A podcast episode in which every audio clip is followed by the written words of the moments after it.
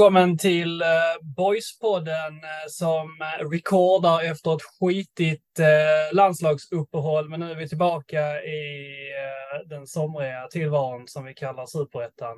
Jag, Jens Wighagen, sitter här med Böna och Håsan denna kvällen.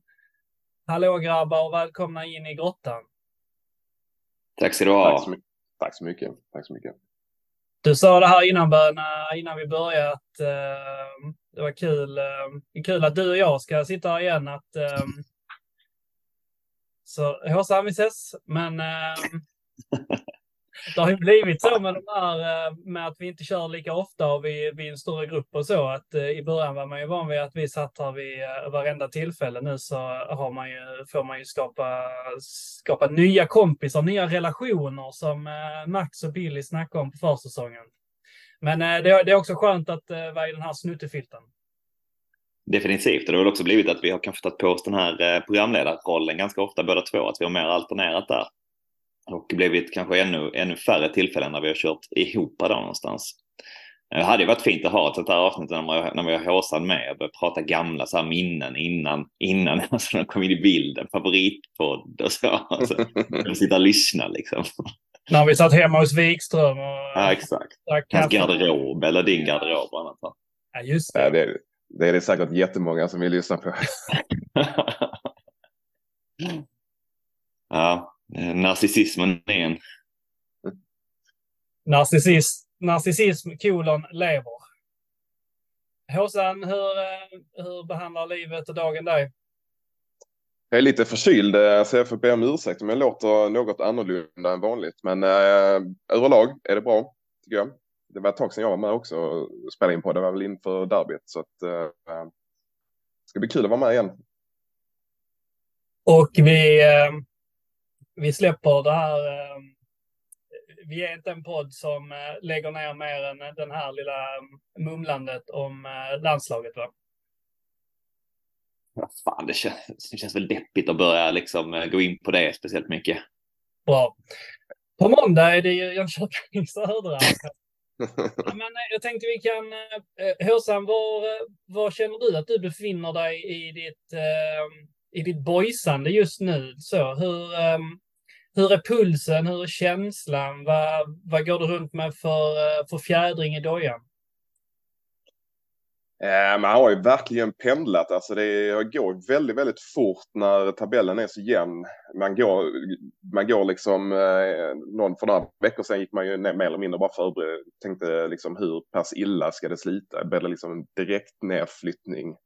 Eh, Medan ni eh, efter liksom eh, tre raka segrar mot ganska så bra, eh, bra motstånd så så är man ju helt plötsligt liksom eh, på andra sidan spektrat och börjar blicka uppåt igen liksom. Så eh, nu har det varit lite paus så att man har hunnit landa liksom. Eh, jag var dessutom inte på guys eh, matchen live eh, utan såg den på tv. Eh, men, men efter derbyt var man ju, var man ju svävar man på mål liksom. Eh, och på sistone liksom, det har varit, det har varit jäkligt gött att vara boysar igen och Eh, så man går in i, i hösten liksom med tillförsikt. Man är ju liksom inte mycket djupare som supporter än så någonstans ändå. Att, att liksom, du var inne på att det är liksom så tre omgångar sedan som man, det kändes helt kört. Men jag var helt övertygad om att Boys, Boys klarar inte detta. Man kommer att åka ur till att liksom fast forward tre matcher. Man har lyckats få ett par poäng. Så ja, nu känns det ju bara som att eh, fan, ja, låt den här hösten komma. Eh, se vad den bara, ja, hur långt hur långt kommer detta boys? Känns som man kan vinna ett par matcher till. Um, man är så jävla känslostyrd det på något sätt ändå. Ja men verkligen och det, det är ju inte, det är inte unikt för oss som sitter här utan jag tycker det är ganska genomgående för, för alla supportrar. Eh, det är väldigt, eh, det blir väldigt snabbt väldigt negativt och man bidrar själv med, med det där också så det är inte jag som eh, ger en känga åt något håll där, utan man, man bidrar till det själv och det är väl det är väl någon form av kvitto på att man eh, kanske är platt, men framförallt man, att man är jävligt eh, engagerad också liksom, eh, i det. Man mår, man mår ungefär lite så som, som boys presterar. Uh, I alla fall när man pratar om fotboll. Det är väl också lite ett, ett faktum av att eh, liksom alla, alla summor är densamma. För att nu befinner vi oss ungefär i det läget som vi väl nästan förväntar oss att vara inför säsongen. Det vill säga ett mittenlag med ganska höga toppar och lite sämre dalar det var väl ungefär de eh, tankarna och förhoppningarna som man hade under, eh, i början av säsongen. Sen har resan dit, som du sagt, varit, eh, varit hackig och inte alltid helt njutfull. Men... Nej, det... jag, jag funderade på det också. Man ser alltså, tidigare man har liksom benämnt typ så Alltså, ja men typ så J Söder har kanske varit det klassiska exemplet på ett mittenlag i superettan. Det finns så väldigt, väldigt få mittenlag.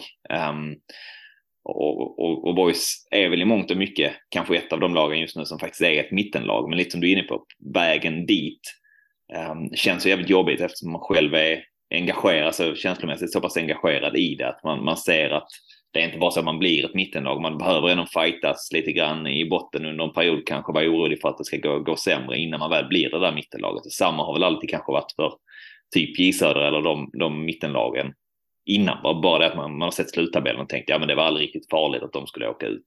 Och, och skulle man ställa sig utifrån och kolla på det så, så, så, tror jag de flesta kanske skulle säga samma sak om boys också. Att man, det var kanske inte många som trodde att det var ett reellt hot för att ja, men man har ändå sett att de har spelat bra, tagit poäng, kunnat slå, ja just det, de har inte haft så superbra resultat mot topplagen men ändå liksom tagit poäng mot de flesta typer av, av lag och så. Att, att utifrån så tror jag inte kanske många har sett på, på ett reellt hot som att Borg skulle åka ur, utan att, man, att mycket handlar om att man är så känslig, lite som du är inne på Åsa, man är så känslomässigt engagerad i det så att man, man följer med i det bara någonstans. Man glömmer ju någonstans att eh, liksom alla andra lag, eller många andra lag, eh, eh, har ju samma liksom eh, toppar och dalar och eh, i grunden kanske är lite sämre än vad vi är helt enkelt. Eh, och de hade man pratat med de supportrarna, de liksom varit kanske ännu mer pessimistiska än vad vi ändå har varit liksom. Och, eh, liksom eh, när det är så mörka som man tror att man mer eller mindre ska gå och förlora varenda match eh, som är kvar kvar av serien så är det ju det är andra klubbar som går och oroar sig om samma sak. Eh, som också liksom inser någonstans att vi är inte tillräckligt bra för att ta eh, så här många segrar i höst. Eh, och då mm. Eh, är det på det sättet så kommer vi ju, vi kommer ju ta några av de tre poängarna som vi kanske själva inte tror att vi ska ta, men som, men på grund av att andra lag eh, är lite i samma sitt som vi själva är liksom. Så att, eh, och sådana saker tenderar man ju som supporter att lite grann glömma bort. Man, är, man, man ser bara sin egen, liksom, sin egna, sin, e, sin egen klubb liksom i, i, i det sammanhanget. Nu ska vi ju möta ett av de här eh, lagen nu på, eh, på måndag när eh, vi åker upp till eh, Jönköping. Ett södra som precis, eh, jag vet inte vad man kallar det, sparkade de sin tränare eller avgick han eller vad, vad hände? Men eh, Arbetsvägrare en period där och sen så. Det är fan, det är fan klass arbetsvägrare som eh, tränare. Det står bakom. Jag har inte riktigt, inte riktigt tänkt med på vad som har hänt. Mer än att jag såg att han eh, ja, försvunnit. Nej, men eh, inte, inte fanns, fanns eh, tillgänglig på något sätt. Så ni får gärna eh, fördjupa, fördjupa oss i detta. Det kom väl ut någon form av så här, Jons barn idag, deras sportchef, eh, pratade väl i deras sociala medier om att, eh, ja, var väl rätt öppen med hur det låg till att han eh, tränaren var rätt så missnöjd med att uh, saker och ting hade gått åt fel håll. Uh, lite likt Billy egentligen, men han istället för arbetsvägar så gjorde han någonting av det. Försökte få, um, få klubben i rätt riktning. Men, uh, men um, och det, det lades ut, man visste, sa väl mer eller mindre bara att man inte visste framåt hur det, hur det skulle bli, om han kommer vara kvar eller inte. Um, och så var det lite, var det lite uppsnackat på Twitter Ehm, det här med att det kom ut lite hjärtan och annat i samband med den videon. Det var jättekonstigt när det kom ut och sen bara timmen efter så kom det ut att han, att han, hade, han är inte längre tränare liksom. Um, och, och, ja, det var väl typ det som har hänt. Vad jag har hängt med i alla fall. Och nu verkar det som andra tränaren då tar över tillfälligt i alla fall.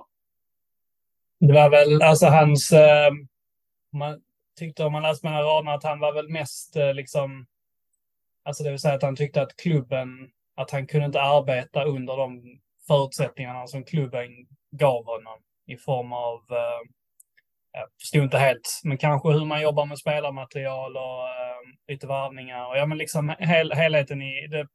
Det var väl ingen som signalerade en välmående klubb när, eh, när han pratade om anledningarna till varför eh, tränaren arbetsvägrade. Ja, det var ju, eller alltså det är ju en, det är väl typ krisklubben nummer ett i, eh, i superettan kanske på något sätt tillsammans med, med Östersund möjligtvis. Men man vet aldrig med den klubben. Men, men inför säsongen var det ju väldigt mycket eh, skriverier om ekonomin i Jönköping och eh, styrelse som hoppar av och sånt här. Man såg ju framför sig att det skulle bli en riktig jäkla skitsäsong för, för J Södra, men de har ju ändå liksom man plockar på sig ganska mycket poäng under våren, eh, våren här så att de ligger liksom, de är, vad är de, de är fem poäng efter oss, såklart mm. indragna i, i, i en bottenstrid, men, men skulle också kunna kategoriseras som ett mittenlag. Eh, så att eh, det kanske, man kanske ser eh, effekterna av, av krisen nu. Det är ju ändå laget med sämst form i, i serien som vi ska möta på måndag. Så att det, det var väl bara att, att det här, det sportsliga problemen dröjde lite. Mm. Och för, för Boys del, om vi ska prata lite matchfokus, så är det ju lite avstängningar som spökar och så. Vad har ni för tankar kring, eh, kring laget och vad tror ni att eh, vi, hur vi formerar laget? Ja, jag måste säga det är väl ehm, eh, Edvin Dahlqvist och eh, David Edvardsson som är avstängda båda två. Um, nej, sorry. Melker Jonsson. Melker mm. Jonsson och... Mm. Edvin. Men är det... Edvin, Edvin Dahlqvist. Mm. Ja, just fan. Precis. Um, och de två, ja precis, det är de två som är avstängda. Um, annars verkar det väl vara, jag har inte riktigt koll på, på Kadura, vad, vad som är sagt där egentligen. Um, han utgick ju sist med någon form av hjärnskakning och lär väl inte vara tillbaka antar jag till den matchen i alla fall. Utan att... Jag fick någon, uh, jag vet inte alls, men typ att det kanske var 50-50 om han skulle vara med på måndag eller inte. Och sen om det innebär att han, om han är med, att han startar, det har jag ingen aning om. Men, uh, men att det kanske var, kanske var 50-50 om han är med i truppen eller inte. Mm utöver det verkar det väl vara en, eh, alltså, ja, inga direkta skador och så i truppen, förutom ja, alla långtidsskador som vi vet sedan innan. Um, och, och ehm, alltså utifrån hur det sett ut nu senaste matchen, det har ju varit ganska mycket samma manskap som har startat, eh, både mot HF och eh, Geis Gais egentligen. Um, så finns det väl inte så mycket anledning att göra så stora förändringar um, utöver just de här två som är avstängda, Emil Kungsson och Edvin Dahlqvist i så fall. Um, Alltså där, jag vet Lindman hoppade in och spelade vänsterback mot, eller vänsterytter mot Gais också och gjorde väl även det i U21 om jag förstod det rätt. Så det känns som att mycket pekar väl på att det blir Lindman som tar, tar vänsteryttern eh, istället eh, någonstans och att och jag tycker inte det är mer än fair liksom, att låta Bruzelius gå in på, på Jonssons plats där någonstans. På, eh, att, man, att man kör vidare på den här trebacken egentligen. Ett alternativ skulle väl vara att eh, ställa om till en 4 3-3 igen på något sätt och få in kanske då nyspanjoren på, på mitten där, tillsammans med Edvardsson och Ignell i så fall. Som på ett treback, eller tremanna mittfält. Men eh, just det känns väl lite farfetched i min, i min värld i alla fall när det redan har gått som det har gått de senaste matcherna. Ett argument skulle ju vara liksom att bänken blir ganska tum på försvarsspelare. Då är det väl eh, Vincent Sundberg liksom som, som kommer få, få sitta där själv kanske. Eh, kanske flyttar upp någon. Alltså jag vet inte hur det är med Ondrejka eller någon sån kanske får sitta bänk i så fall. Men jag, jag är nog också inne på att det, det blir nog så. Jag tror man kör på med den här uppställningen. Man, man, man, eh, man är liksom nöjda med, med resultaten naturligtvis. Eh, på sistone tycker man har fått, fått igång ett bra, eh, ett bra spel liksom. Eh, så, så det vill man nog, det vill man nog akta sig från att bryta kanske. Mm. Känns det som att det är väldigt tunt på vänsterkanten nu. Man har inte reflekterat över det så mycket sen eh, Tekac eh, stack ju, men eh, det blir ju tydligt nu. En sån här enkel sak som en liten avstängning gör att eh, det blir lite, det känns nästan lite, eh, out of position-tänk på, på Lindman som nästan precis har fått omvandla sig själv till, eh, till den här wingback-rollen på högersidan. Liksom. Eh, så det är väl ingen superbra... Ehm, det är väl ingen lösning man, man hoppar, uh, hoppar säck över. Kan man säga så? Nej, precis. Alternativen blir ju ganska få. Uh, verkligen. Det är väl, eh, alltså, jag vet inte vad man har gjort i den kalkylen, men man blir, jag tror vi bara nämnde det som hastigast, men, men som du säger, det känns inte som det är något man har pratat om så mycket, att vi tappar mycket täckning, eh, backup, med att vi blir av med täcket.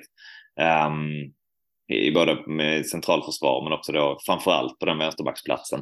Och det är väl nästan så, alltså funkar inte det riktigt med Lindman eller att det, om, om han på något sätt uh, skulle skada sig, då är det ju nästan bara att spela en fyrback som är det enda alternativet. Att Rapp får spela vänsterback i så fall och så får man ju mm. putta in Bruselius som mittback nästan med Kotto i så fall.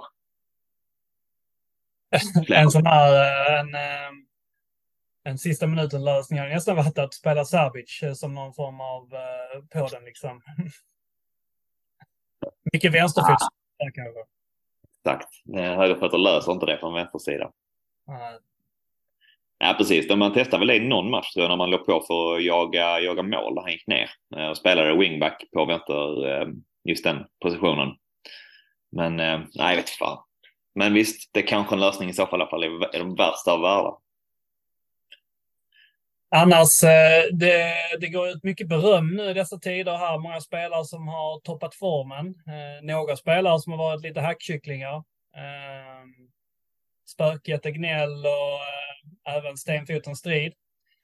Kan inte jag vara raljant för att det är två spelare som har varit våra, bland våra bästa spelare som har ehm, verkligen tagit lite nytta av kanske lite nya roller och kanske lite nytt, framförallt i strids ehm, form i alla fall ehm, blivit placerad i en roll som mera spelar till hans styrkor i att han, ehm, han är lungor, framförallt lungor och ben och har gjort det jäkligt bra. Och sen har vi Iler som också blev eh, ganska tidigt avskriven som en flopp, men som har ehm, också börjat hitta rätt. Så att det är många spelare som eh, toppat form som man egentligen inte, man nästan räknat ut lite. Ja, precis. Och den eh, ska vi kanske sätta in Edvin Dahlqvist också nästan i den kontexten som en av dem som eh, var, var, var lite, eh, kanske inte uträknad så, men folk tvivlar väl på honom som har gjort en ganska lång tid nu av, av goda, goda matcher. Um, men Ilar är väl kanske den nästan som jag har hajat till mest på de senaste matcherna. Uh, man har någonstans vetat vad man har kunnat få av, av strid, uh, framförallt där, men också att Egnell, jag tänker hans höst förra året pekar på att det finns någonting i honom och det men, men Iler um, ehm, har ju verkligen stuckit ut. Um, dels i sitt um, väldigt effektiv i sitt pressspel och, och um, tycker att han fri, jag vet inte om vi snackade om det senast podden kanske, men att man, men han, um, han sätter ju Diawara i lite andra, i andra lägen, att han blir lite mer delaktig än man har varit tidigare. Um, jag tycker vi får ut rätt mycket av det spelet när, när han är inne och, och krigar där uppe. Um, sen är det väl inte fortfarande, alltså, någonting gör han väl som mitt, mitt eh, kassa fotbollsöga inte riktigt ser som, eh, som Sunesson inte kunde erbjuda. Eh, I mångt och mycket tycker jag ändå att de är ganska liknande spelare så, men, men Ilor erbjuder väl någonting annat som inte Sunesson kunde göra i, i den positionen. Man har nästan sett eh, Sunesson för lite för att kunna utröna något, eller hur man ska säga. Men visst, det var ju det var den känslan man, man fick så. Däremot så fick man väl kanske en det känns inte riktigt lika, ska man säga, kognitivt hos Sunesson som Iler som ändå har en viss, upplever honom ändå som att han eh, har, verkar vara hyfsat eh, påkopplad med var han ska befinna sig och hur han ska löpa och när han ska löpa. Så, så gör han det hela tiden. Men eh, det är väl kanske de, de skillnaderna jag ser nästan mest, liksom att Sunesson var mest, såg ut som ett kraftpaket, en eh, en Sherman-stridsvagn från andra världskriget som liksom sprang i en riktning framåt. Eh, och Iler är väl kanske lite mer eh, tanke och eh, kognitivitet bakom. Men vad vet jag? Jag har inte så mycket av det heller. Något som är lite spännande tycker jag är det med, med som Egnell. Det är ju ändå att um, ehm, han under förra säsongen när han kom då var ganska kritiserad inledningsvis. Ehm, um, den tog det lite tid men blommade ut sen när Boys gick över till att spela en treback när han var en del av ett tvåmannamittfält med Ottosson. Nästan samma går att säga denna, denna säsongen faktiskt att han inte riktigt har fått ihop det med spelat en fyrback utan att först när vi gått ner och spelat treback så har han lyckats tillsammans med, med på mittfältet och, och att man ser att där är en, där är en spelare i honom. Men jag tycker att det är jag har inte riktigt eh, själv landat i vad jag tror att det handlar om som gör att han, han kommer så mycket bättre till sin rätt i detta systemet än, än i det andra. Men det, det, finns ju rätt så ganska mycket nu ändå som pekar på att det faktiskt är så att han funkar betydligt bättre när vi spelar en treback än en, en, en, en fyrback. Sen är det så, att, han har ju haft, eh, han har haft det mentalt kämpigt också. Liksom. Absolut. Som säkert också spelat roll. Sen så hänger säkert mycket av detta samman också. Men eh, men också liksom att Everson då också är inne i liksom en period som är jäkligt bra, vilket naturligtvis smittar av sig. Eh, de blir mm. liksom, han blir ju, han blir ju Ignells Uttus, nya, nya Uttusson liksom på, på mm. mitten här. Och deras samspel har ju också funkat jäkligt bra eh, på sistone. Så det, det, är väl, det är väl, det är väl många, många samverkande saker som säkert spelar, spelar in här liksom. Jag tänker att en av, um, en av slutsatserna skulle väl kunna vara att kanske snarare att han passar bättre i att spela i, eh, i, i själva tvåmannamittfältet än att han spä, än vad han passar att spela i tremannamittfältet. Snarare än vad som händer bakom honom då. Jag tänker att det kan man ändå se lite grann i hans spelstil, i att han är han, han, han är ju lite grann av en throwback eh, mittfältare i att han eh, är lite box to boxy alla Premier League liksom i att han han sticker inte ut liksom i, kvalitet på, på så många plan, men han är ju jämn och stabil och han har ett väldigt fint tillslag och han, eh, han är ganska fysisk, men han är inte assnabb heller. Han har, han har ju liksom, han har ju sexor, sju och åttor överallt, men eh, inte mycket mer än så. Jag tänker, spelar man på ett tremannamittfält så förväntas man ju kombinera lite mer och man, eh, det är ett lite kortare passningsspel också. Ehm, och det är ju kanske inte just den typen av spelare. De vill kanske ofta liksom kunna utnyttja sin fot på lite längre passningsavstånd och så vidare också. Snarare att man vill ehm, kombinera sig på mittplan och så vidare. Han kan göra det också, men tänker att det kan vara lite mer. Och sen så kanske också bara att vissa spelare vissa spelare funkar bättre i det som de är tränade och anpassade för. Det kan helt enkelt vara så att han är, han är van och trivs bättre i hur man täcker och jobbar över sina ytor i, ehm, när man spelar i, i ett tvåmannamittfält, i, liksom, i det klassiska helt enkelt, snarare än hur man behöver fördela ytorna mellan sig i ett tremannamittfält. För att det blir ett ganska, det blir ett ganska stort, stor skillnad i rörelsemönster beroende på hur, hur tian spelar eller hur, hur man spelar med sexor och åttor, hela den biten. Absolut. Sen så är det för, egentligen man kan ju tänka att det är vanligtvis när man spelar en treback så blir det mycket som går igenom backarna, liksom att de står för någon form av uppspel och så. Där tänker jag egentligen att det vore rimligt att han skulle falla bort lite mer, men han blev snarare väldigt mycket mer involverad i det här eh, spelsystemet som vi har eh, jämfört med när vi spelar, eh, när han spelar på ett tremanna mittfält. Um, men det är väl också nu, jag tänker Kotto har kommit in, han har hittat in hela tiden med sådär uh, fina små pass in på mitten också någonstans. Uh, inte så att han står och slår dem till, till Osman hela tiden, även om han styr mycket av uppspelen från början. Så de blir ju nästan någon form av uh, Alltså, det är inte de som styr det från början, men att de, nästan så att back, våra mittbackar spelar loss antingen eh, David eller, eller Ignell på något sätt. Och det ja, blir ju mer involverade. Jag tror precis som du säger också att det här med att vi ändå har gått över blivit lite rakare sen Max tog över. Mer än bara formationsändringen, mer i vårt spel kanske. Att det kan vara någonstans som också ändå har gynnat honom här. Att England, precis som du är inne på, får använda sin fot på, på ett annat sätt än tidigare.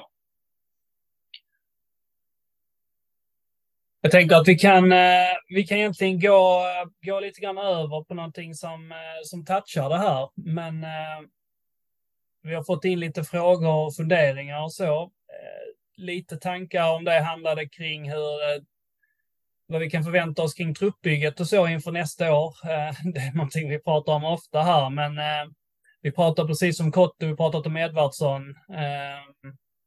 Det är ju två, två lån som vi absolut inte kan förvänta oss kommer spela i, i boys tröjan nästa år. Edvardsson har ju gått från att ha varit lite nedkörd under våren till att egentligen vara vår, eh, jag skulle säga överlägset bästa spelare, kanske tillsammans med Kotto de senaste, eh, lite grann sedan eh, Max tog över spakarna.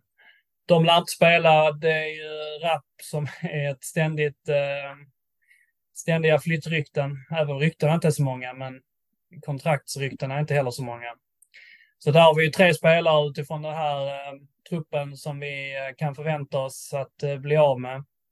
Är det några andra spelare ni ser som eh, direkt eh, några ty tydliga riktningar på att eh, de också kanske skulle få för sig att lämna?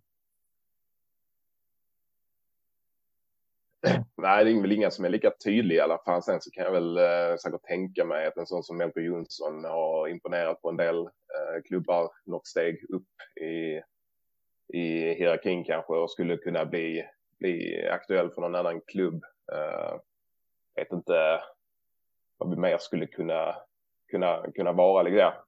Osman tänker jag skulle vara en sån yeah, som... Ja, absolut samma mm. sak där egentligen. Uh, det, är väl, det är väl de två som liksom uh, som har väl den, den tydligaste liksom uh, att, med, med att liksom dra till sig intresse av utav de spelare vi, vi har kvar liksom. Eh, och jag tror väl som, eh, som du var inne på Jens också att det blir, alltså man vill ju jättegärna behålla åtminstone en av eh, MFF-lånen, men att det, det kanske, kanske blir, blir svårt. En öppning skulle kunna vara att förlänga låneavtalet med en ytterligare säsong. Det, det, det känns inte omöjligt kanske. Det är ju trots allt väldigt svårt för, för de killarna att slå sig in i, i MFF, eh, utan då ska det vara någon annan, kanske allsvensk klubb eller så som knackar på, på dörren och slänger upp lite cash för dem i så fall. Och det, det vet jag inte. Det, det kommer säkert sådana förfrågningar också. Jag vet inte hur, benägna MFF är på att nappa på något sånt. Ju, men, men det skulle kunna vara en... Jag, jag, jag tror liksom att, att vi köper loss någon av dem tror inte jag kommer hända. För de sitter väl nog båda två på ganska långa kontrakt med, med MFF, MFF mm. också. Det är väl lite sådär med att nu Edvardsson, hade inte han varit eh, bra nu under andra delen av säsongen så tänker jag att det kanske hade varit en sån möjlighet att bara så här för hans del istället för att hålla på så här och vara, vara utlånad till massa olika klubbar och nya, nya eh, ställen hela tiden. Att bara säga okej, okay, kör ett år till, rota det där så ser vi hur det går även nästa säsong. Men nu, nu när han har varit så här bra, allt pekar väl på att det kan, kan flyta vidare liksom. Så, ehm, så, känns det ju som, Gurra gjorde ett tappert försök i förra, förra podden att ändå sälja in en, eh, att stanna i voice. Men, men känslan är väl ändå att han, eh, han ser väl sig som en allsvensk spelare egentligen nästan så att, att det är den nivån han hör hemma på. Så, eh, det ska nog mycket till för, för att övertala honom och, och ja, fan, Kotto. Men är det inte i grund och botten är vi inte i samma situation som vi har varit i nu de senaste två åren. Eh, man glömmer nästan lose track av eh, liksom årtal spelare, men visst var det, vi tappade Utto och Melker denna säsongen. Inför, ja precis. Inför så det är väl där en två, tre nyckelspelare som har lämnat inför eh, varje, varje år. För det mesta utan någon, någon tydlig ersättning ändå. Så att eh, förväntar ni er att det liksom blir samma typ av karaktär på nyförvärv? Lite, lite grann koka soppa på en spik.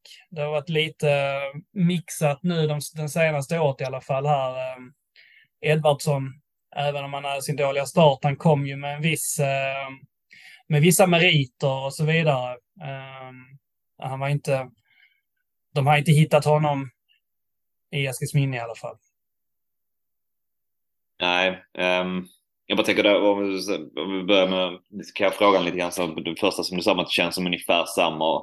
Här säger jag, har man kanske sagt samma varje år, men, men min känsla är nog att det är på en del positioner att det fanns tydliga ersättare redan i klubben någonstans till vissa att det fanns en, liksom en rät linje med att man kunde säga att okej, okay, men den här spelaren försvinner han så finns denna på plats. Um, jag tänker nu har vi blivit av med en jävla massa mittbackar redan och vi riskerar att tappa Rapp och, och Kotto, men vi riskerar faktiskt också att tappa Fille Andersson eh, som har ett utgående kontrakt. Um, och, och um, um, Ondrejka vet vi inte riktigt var han står, uh, hur pass bra han är eller kan bli och uh, Brant Erlandsson har ju varit skadad egentligen hela säsongen så det är inte så att det känns som att, de, att det finns en del lösningar på plats utan det kommer bli mycket nytt. Eh, är ju känslan där. Um, sen huruvida vi kommer fortsätta på samma spår så, så tror jag absolut att man kommer göra det. Um, allt, alltså ingenting har väl egentligen pekat på att man, man kommer att gå, gå någon annan väg utan nu har man ju tagit de här både Kottu som har blivit lyckad och, och Edvardsson som ändå har varit lyckad här nu också som, som lån vilket är ett lite annorlunda sätt än tidigare. Det kanske jag tänker vi kan se fortsätta men annars så tror jag det är um, det är på hyllan division 1 vi, vi kommer kika nästa säsong. Är detta ja. säsongen uh, som vi går ut och är liksom uh, händelserna i förväg? Kan vi förvänta oss liksom ett stort uh, fönster så att när nästa runda av spelare lämnar, att vi faktiskt har färdiga spelare på plats. För att det du beskriver är egentligen en utopi, att Ondrejka eller Brandt eh, skulle på något sätt kunna vara superettan-spelare nästa år. Det, det, det, får man ju tro om man ser det. Eh, och innan man har sett det så går det inte att räkna med.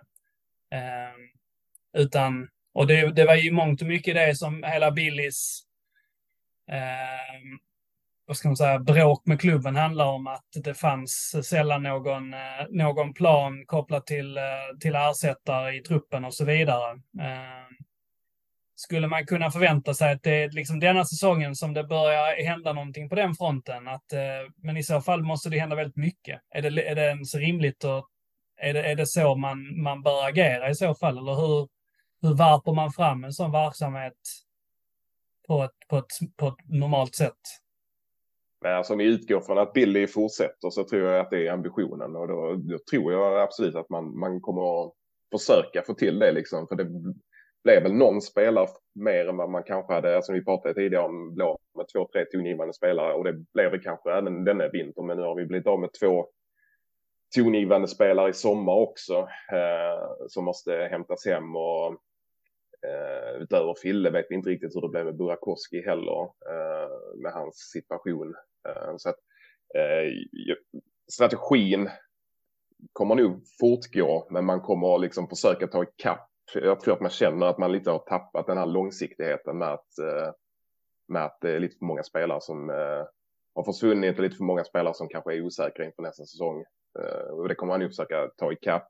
Vi kanske kommer att se några spelare in som vi känner inte alls är redo riktigt för superettan. Men, men, men just med tanke på att eh, liksom eh, jobba in dem på längre sikt. Att de står redo eh, vid nästa liksom större försäljning eh, någon gång under nästa säsong liksom. Förhoppningsvis i mm. slutet på säsongen liksom. Så att jag tror att man, eh, det är nog Billys ambition om han fortsätter att, eh, att försöka skapa det där. Sen, sen är inte det gjort i en handvändning, kanske inte sker helt och hållet i vinter, men, men, men det är, man kommer att försöka nå den är jag ganska säker på. Sen kanske man, liksom beroende på vilka försvinner, försvinner kanske, jag tror inte att man tar något jättekliv, liksom att ta flera hyllplan, bättre spelare, men man kanske i alla fall om möjligheten dyker upp, liksom försöker ta in någonting eh, som är något mer etablerat än vad det varit den sista säsongen just för att eh, i alla fall inte alltså, försöka säkra eh, säker mark i superettan, försöka ta det där eh, ytterligare steget och närma sig liksom allsvenskan på, på lång sikt. Eh, kan jag tänka mig, i alla fall på någon position, för att det är nog rätt namn, namn, namn, väldigt namnkunniga som, som har försvunnit och som riskerar att försvinna. Liksom. Filip Andersson är ju ett stort frågetecken. Liksom. Mm. Uh, så att, uh, men nu, när du sa det också, jag tänker man har ju faktiskt ändå tagit det här med att man plockar in Una i Vega nu också är väl också en, mm. en, sån sak ändå som gör att det här stick här gör man ju någonting annorlunda än vad man har gjort tidigare. Så, så, så någonting kanske pekar på att man, man, man tänker sig i större utsträckning än vad man har gjort innan, att ändå kunna sticka ut från den här för att eh, ja, man ser ja, att det finns behov.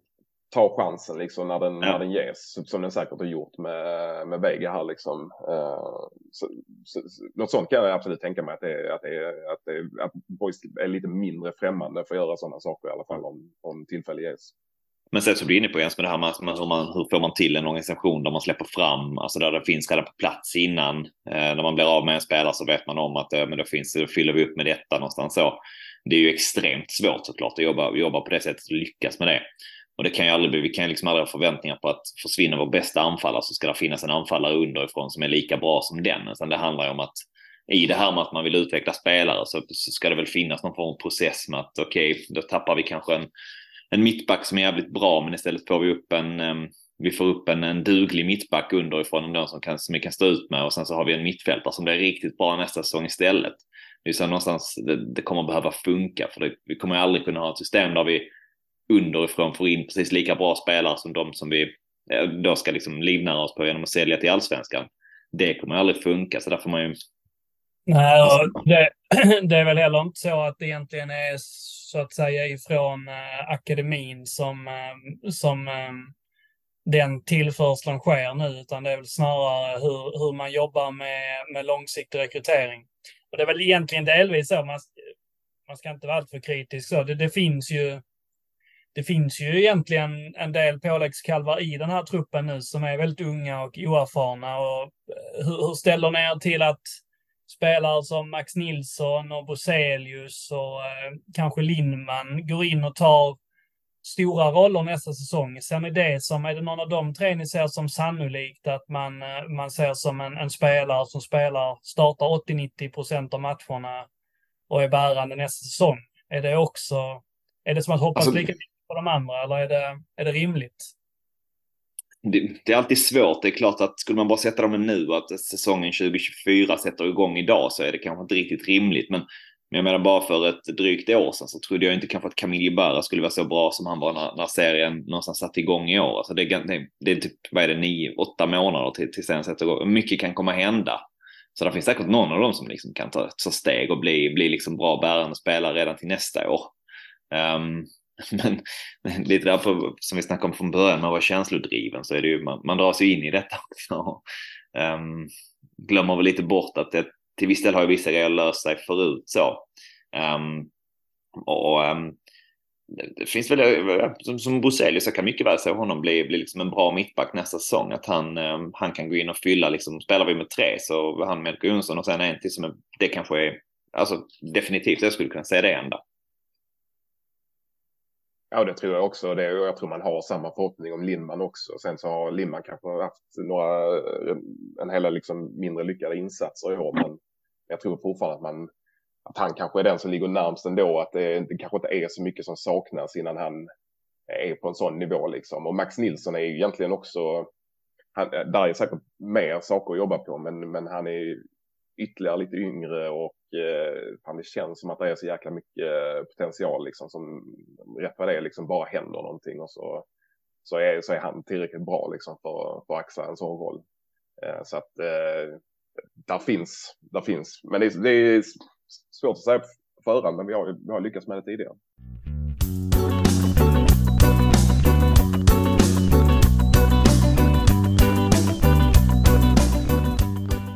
Övrigt i eh, Boysland så eh, har det ju skett eh, en del saker ehm, på skadefronten, om man kan kalla det så. För övrigt så kan ju den som hänger med i den moderna världen såg ju att New York Jets quarterbacken Aaron Rodgers eh, drog sin eh, hälsena, sin eh, akilles, som våran lagkapten också gjorde sin tredje snap.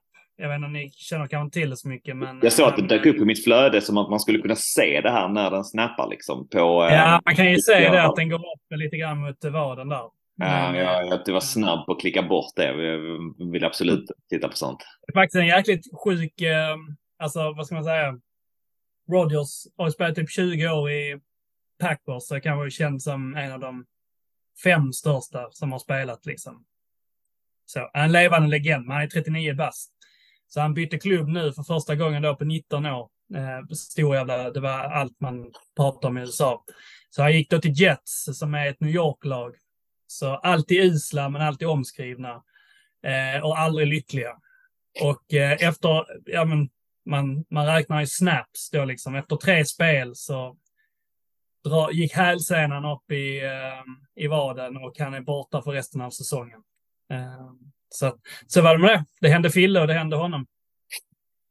Och eh, det är ju lite gammalt lite nytt. Burakovsky har fortsatt problem och är väl nästan också kanske done for the season. Eh, där kan man egentligen inte säga så mycket mer än att det är sorgligt på framförallt ett personligt plan. Men eh, annars vet jag inte vad man ska dra av det liksom. Ehm, jag tycker inte heller man kan lasta boys som klubb eller så. Liksom. Allt, allting verkar väl vara på det, på det klara liksom. Eh, och någonting har skett. Man vet väl inte riktigt ens varför eller hur eh, eller när. Nej, jag läste lite, lite, lite i HD-artikeln att han hade fått något positivt besked men gick väl inte in så mycket på vad det egentligen var. Det finns liksom ingen tidsaspekt eh, på när han ska vara, vara tillbaka så jag antar att det är väl skynda långsamt som, eh, som gäller för Burakovsky och det kanske är, är bra att han kanske känner liksom att han eh, att han får den tiden eh, i klubben också. Han känner att han inte behöver stressa liksom. Jag såg det där med att han inte skulle gå över, vad var det, 100 i puls eller något sånt i minuten. Eller om det var tidigare kanske när han hade sin, sin andra skada. Men det känns ändå kämpigt att inte kunna göra på flera månader. Alltså fan, du är rätt snabbt upp i det ändå. Um, lite, lite känslouttryck eller någonting så um, ja, det känns jobbigt för honom att behöva hålla på med det. Sitta ner hela tiden. Men... Um... Låter, låter läskigt att kolla på sin pulsklocka och bara se hur den går upp, upp, upp. upp. bara, ah, nu dör jag ju. Stressen stegrar också under tiden liksom. Och, ja. Nej, det är skit för honom. Stackaren. Ja, ja verkligen. Och eh, i den eh, ax omtalade klubbchefs eh, ja, gaten kan man inte kalla det, men klubbchefsholmgången eh, så eh, ryktades det ju först eh, en eh, ny figur med HF-koppling, ny figur med Hittarp-koppling också. Fack. Och eh, det avskrevs efter en del turbulens ifrån supportrar och så. Det är väl egentligen allt vi kan säga om det nästan. Det känns som att det är nästan skåpsmart vid detta till tillfället. Nu är det ju ett uh, nytt namn som verkar vara hårdast uh, på tapeten uh, i Fredrik Söderström som väl är utvecklingsansvarig i Malmö FF. Niklas Söderström. Niklas. Vad har vi att säga om det? Alltså jag noterar väl ändå lite grann så här att, eh, att någonstans har man ju dragit, eh, dragit en, liksom en tydlig skiljelinje mellan att ta in eh, personal från Helsingborg eller eh, mot, mot att ta in personal från, eh, från Malmö FF, eh, från supporterhåll. Jag, ehm, alltså jag förstår eh, hela den biten liksom. Jag förstår eh, det infekterade med att ta in folk från, från Helsingborg. Eh, man kan säga vad man vill om Michel Ekberg. Där, han har gjort mycket bra i klubben och, och så. Men han är också en vattendelare liksom. Eh, som eh, med, med, med, med rätta liksom. Eh, som gör att, att det kanske inte är, är, rätt, är rätt att ta en, en, en ny helsingborgare liksom. Men eh, jag menar liksom på, det det är väl liksom på fram till under vissa perioder liksom i Boys-historien har Malmö FF varit en betydligt tydligare konkurrent till, till Boys än vad HIF är liksom. Så att eh, jag vänder mig nog bara mer mot liksom principen att, att eh, inte, inte att vi kan vara missnöjda med att ta någon från Helsingborg, men jag, jag vet inte, det är, det är alltid svårt med så, den typen av gränsdragningar. Jag är inte helt glad för dem för att eh, eh, en klubbchefs roll är också så här, ja, hur många finns det på marknaden som kan vara intressanta eh, för en sån roll liksom. Eh, det är liksom en, en anställning.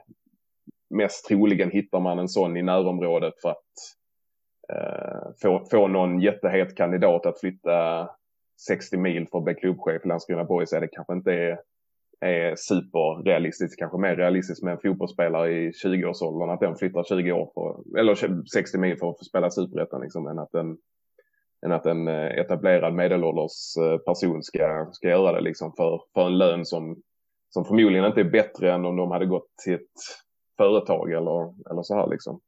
Eh, och, då, och vill man då dessutom ha liksom fotbollsbakgrunden på en, på en sån ledare så ja, då är det liksom några få klubbar som, som, som de har verkat i tidigare och då är det kanske Helsingborg, Malmö, Trelleborg, Rögle, eh, Redhawks, alltså några, några till liksom. Men det, men det är ju det är, det är liksom inte, det är inte hur många att välja, välja på. Och då tar jag, tycker jag nästan snarare att, eh, att det är viktigare liksom att processen görs jäkligt bra och noga och verkar den här personen verkligen passa in i, i boys liksom? Kommer den, kommer den här personen verkligen liksom eh, lägga ner eh, sitt hjärta och själ i, i klubben? Och, och det, är, det är svårt att utifrån eh, att kunna avgöra det utan det får man någonstans sätta tilliten till, till den eh, klubbledning vi har i, i boys att de kan faktiskt avgöra det själva. Eh, sen absolut, ryggmärgsreflexen hos mig också så här, nej fan jag vill inte heller ha en helsingborgare in så att jag, jag, jag kan också förstå det liksom men, men jag är ändå så här, på ett principiellt plan inte helt eh, glad i den typen av kommunikation. Men, ähm, mm. för egen del, jag, jag tänker det fanns väl också det fanns väl en del i sådär ändå som, som verkade lite oklart och, och liksom som, som överlag tänker man tänker större perspektiv än bara liksom eh, Helsingborg som en, en, en rival och någonting som man inte vill att ska komma um, liksom personal ifrån och att det inte har blivit bra alltid tidigare även om vissa har blivit ganska bra också så um, alltså det finns väl någon, någon form av frågetecken ändå alltså att jag förstår att den här ehm, personen i fråga inte liksom är ansvarig för allt som har hänt allt i Helsingborg liksom, men att det har ju liksom under många års tid varit eh, liksom en, en, eh, en klubb som har varit allt annat än välmående, både, både på plan men också organisatoriskt och att man då liksom ska plocka folk ifrån den organisationen där han dessutom har fått mycket kritik och sånt som har som även liksom har varit problematiskt i boys kring, kring publik och så här också. Så jag, jag kan ju verkligen förstå att folk, hade det varit liksom HIF som vinner, vinner SM-guld så, så, så, kanske folk hade ehm, haft lite lättare till det någonstans. Och nu det känns som att hela det här Edman-debaclet blev nästan en sån, han fick liksom klä, klä kostymen eller klä rollen för, för att vara HIF någonstans. Att, att sådana, dit ska vi inte gå igen någonstans, även om han då inte ens, han har inte varit i HF, eh, eller kom ju inte därifrån utan hade hittat upp eh, kopplingen istället.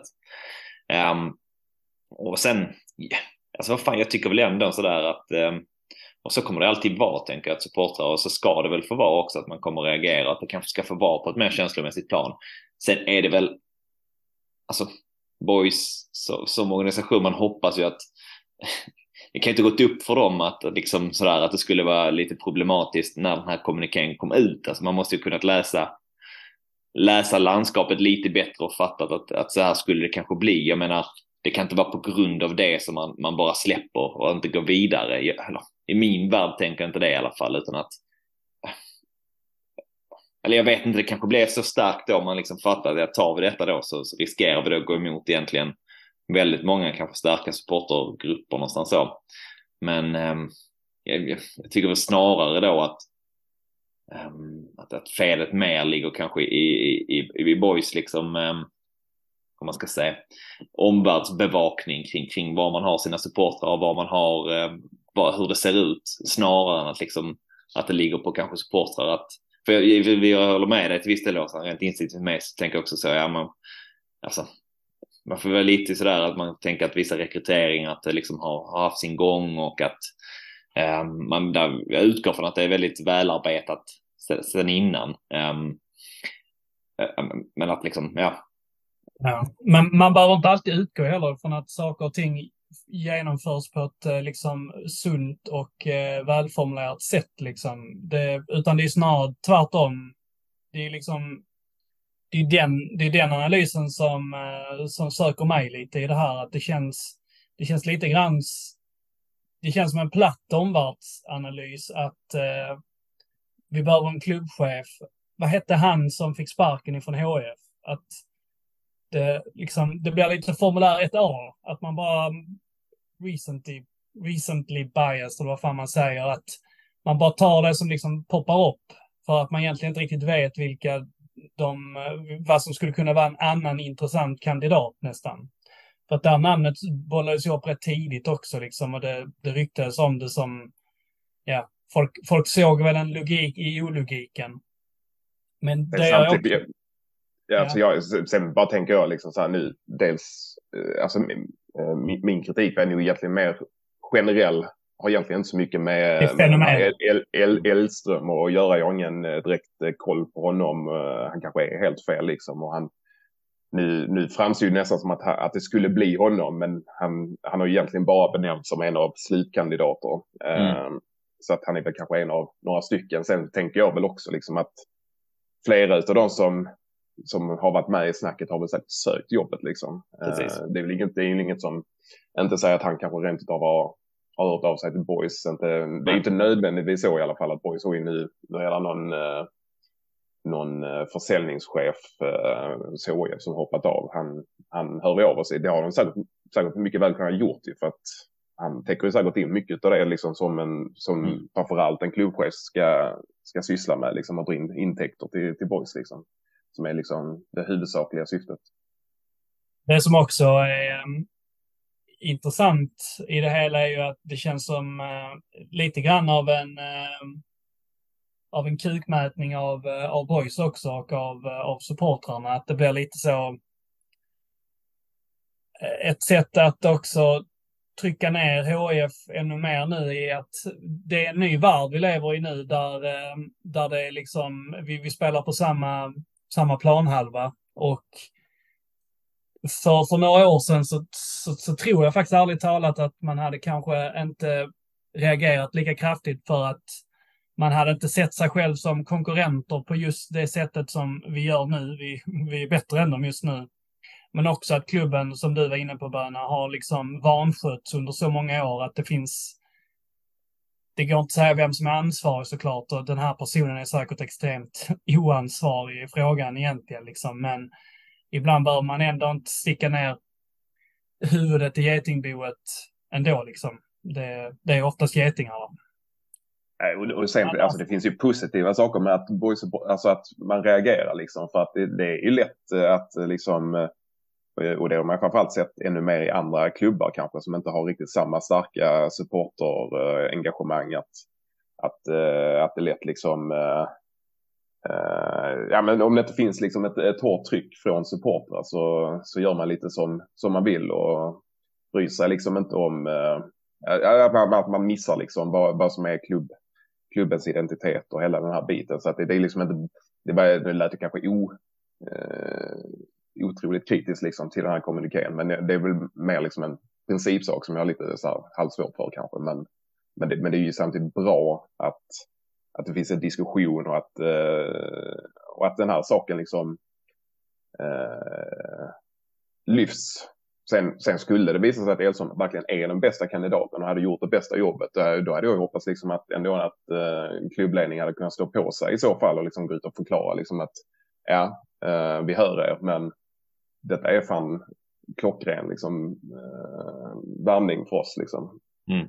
Och att, att man liksom eh, eh, övertygas snarare liksom eh, supporter om att det här är, det här är genomtänkt liksom. Mm. Och har- nu- nu, har, nu har man ju släppt honom så att eh, någonstans har han kanske då inte tagit sig igenom det nålsögat då. Liksom. Nej, och den som verkar ta sig igenom nålsögat det är då Söderström som eh, vi alla såklart hade ljugit om vi sagt att man har eh, järnkoll på. Men eh, jag har ändå lite eh, koll på honom sen, sen tidigare. För den som vet, vet att han tränade Dösjebro under eh, jättemånga år, typ tio år. Och han har också varit med och förvandlat den klubben från ett division 6-lag till eh, de var ett division 3-lag ett tag. Ehm, och även gjort dem till en ganska välmående förening och så. Ehm, och utvecklat dem. Vi, ehm, jag har besegrat honom. Fick jag det sagt. Men framförallt så tror jag att... Så, så framförallt så tror jag att eh, om vi pratar om liksom personen så min bild av honom är att han är en ganska lugn och liksom inte så, eh, nu ska jag inte säga självgod då, för att det låter som att jag jämför det med att eh, det är det som företrädaren skulle ha varit. Men han är en ganska lugn eh, person som är ganska saklig, som känns ganska ordentlig och rejäl, men samtidigt snäll och mjuk om man ska uttrycka sig så. Ingen person som jag fått intryck av syns och hörs eh, överdrivet mycket utan liksom vet sin plats i lugn och ro istället om man ska uttrycka sig så. Eh, vilket jag tror är en, eh, är en bra egenskap att ha och någonting som jag tror vi också som supportrar skulle uppskatta Eh, av, av det nya i så fall. Så jag, min spontana känsla är att jag har, jag har en bra känsla för det. Eh, han verkar ha suttit i en ganska intressant roll, eh, eller sitter i Malmö där man nog har mycket kontaktytor och jobbar med många saker samtidigt som man eh, antagligen eh, behöver eh, tratta ner ganska rejält i, eh, i en klubbchefsroll. Men eh, jag tror på den om, den är, om den är möjlig. Han är dessutom, jag tror han är från Dösjebro eller Dösjebro-hållet så att han är ehm, liksom inte, inte långt härifrån eh, från början heller. Ehm, det är ett par grejer jag tycker är intressant med den. Ehm, eh, men ganska mycket kopplat till att jag tror att det, det liksom karaktären och personligheten borde passa in i, i det nya. Och jag har besegrat tror jag. För den som inte hörde första gången. Så, kan släppa din prestige där liksom nu också med att uh, nu har du, du har slagit honom och han är okej. Okay. Men välkommen. Vi får ta upp det när vi, när vi intervjuar honom. Absolut. Det blir 20 minuter om kvalet, Vorm Dösjebro 2013. Grymt. Det är vi nog många som ser fram emot. Det blir kanske ett specialavsnitt. Smålagsfotbollen, det, det intresserar ju den stora massan. Det gör väl det. Men eh, i övrigt killar, vi tänkte vi ska passa på att runda av här. Har ni någon, eh, någon sista sak ni vill bolla upp. Det är intervju med Ekblad eh, som kommer ut imorgon, va? Vad förväntar ni er att se och höra i den? Ja, eh, de har väl eh, gått ut och bett folk ställa frågor också här och det lär väl eh, då absolut främst eh, säkert komma upp frågor om, om det vi nyss avhandlade här och säkert en del om arenan som ska bli intressant att ta del av. Men i övrigt vet jag inte riktigt vad, vad, det, vad det blir faktiskt. Säkert kanske en del om tränare och, och sportchefs framtid också. Eh, men som säkert kommer någonstans eh, ändå lite grann försvinna i snacket om, om klubbchef kanske. Men eh, eh, sen är det väl det här, ja, det är ju klubben som arrangerar en intervju med sin ordförande. Ja, jag vet inte hur, hur spetsigt det blir liksom. Kan någonstans tycka det är lite synd att inte HD eller Landskrona Direkt eller något sånt gör, gör, gör den typen av intervjuer kanske. Eller ja, det kanske de vill göra men det kanske inte blir av bara. Men eh, vi får väl se helt enkelt. Det, eh, arenafrågan kan jag eh, tycka kan vara intressant att höra på för att eh, det känns som att det skulle kunna komma fram någonting där som man kanske inte riktigt har hört tidigare i alla fall lite spännande ändå, tänker jag att det är Ekblad man, de kör intervjun med. Um, vi har väl av annat det för inte länge sedan också, att vi saknade, saknade honom någonstans och ville se mer av honom i det här läget också när det, var, när det blåste lite. Uh, sen kanske, jag vet inte, det har kanske mycket att göra med att Michel är avgående klubbchef liksom. Annars känns det väl som att det kanske är just en klubbchef som hade tagit den typen av intervju eh, någonstans. Men eh, det eh, ska bli spännande att höra Ekblad. Han har väl en förmåga att inte alltid vara, känna supertydlig i det lilla man har hört från honom. Men eh, hade varit som du är inne på, så hade varit skönt att få lite, lite klarhet i en del sådana frågor framåt. Sen tror jag vi kanske inte så tränarfrågan och så och, och, och, och ehm, vad heter det? Um, kring huruvida ehm, Billy kommer fortsätta på sin roll som, som manager. Det känns som att det ligger längre fram innan man tar beslut där någonstans så. Men, men lite kring, kring arenan och ja, framförallt tänker jag klubbchefen där och det, det känns som att det skulle kunna, skulle kunna komma mer tydlig information där imorgon också eftersom man har under ett par har väl sagt som så här, vi tror inom ett par veckor att vi är liksom mer på det klara med det. var väl det som kom ut i HD för, för någon vecka sedan nu. Så det skulle kanske kunna lanseras någonting som imorgon. Kanske går ut med, med anställning mm. av klubbchef precis innan intervjun kommer liksom och så har man Nej, vem vet, vem vet. Vi får se. Vi får se. Som du sa Jossan, jag håller med. Mm. Mm. Men eh, killar, vi, eh, vi har sagt allt som går att säga. Vi har Vi inte ska mer att säga. Vi ska inte tippa J Södra borta. då. Jo, det kan vi göra. Vi brukar göra det i alla fall. Vi glömmer bort en match. Exakt, vi började i den änden någonstans. Det var ju um, en ny take på det. Ja, precis. Vi börjar hos dig, Börne. Ehm, boys vinner med eh, 3-1. Där uppe. Målskytt. Målskytt. Eh, fan, jag tenderar att återgå så här. Gå liksom, man pratar om gå i barndom ibland. Men jag går i målskyttar. Känns allt som jag säger och säger samma målskyttar liksom. Men ehm, man vill ju vara spetsig men det faller ju efter plats. Det är sjukt nu. Sen, sen något sjukt. Ehm, jag tror um, Lindman gör mål igen som han gjorde mot Utsikten. Um, sen så, sen så blev det så sjukt jag tror um, Ilon gör mål och sen så gör de ett självmål också. De losar sen. Det var ändå spetsigt med ett självmål faktiskt. Känns som de har det i sig i Södra. Fucka upp rejält. Jag tror, eh, jag ser, jag ser 3-1. Jag tror eh, J Södra kraschar. Och jag tror att eh, Ussi hänger tre och blir varvad till Antwerpen. Men spetsigt. Ja, men jag, fan, jag, har ju- ja, men jag säger, fan, jag säger 4-1 och till boys. Jinxar vi sönder det fullständigt här. Ussi, Ussi gör två.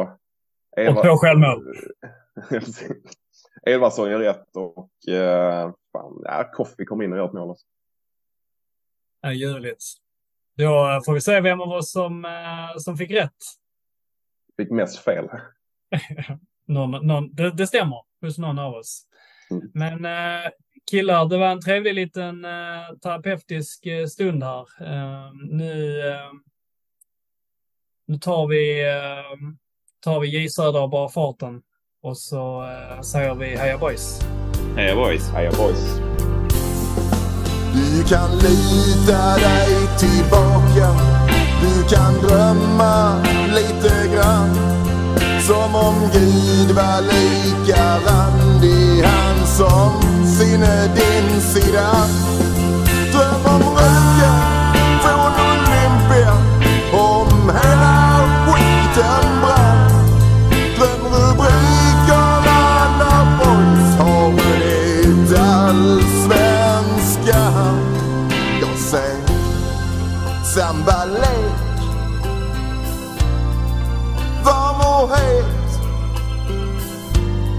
Jag ser grym överlägsenhet Ja, du ser väl det själv Vilket underbart lag.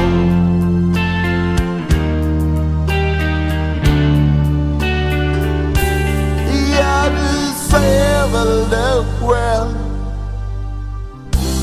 vilket underbart lag.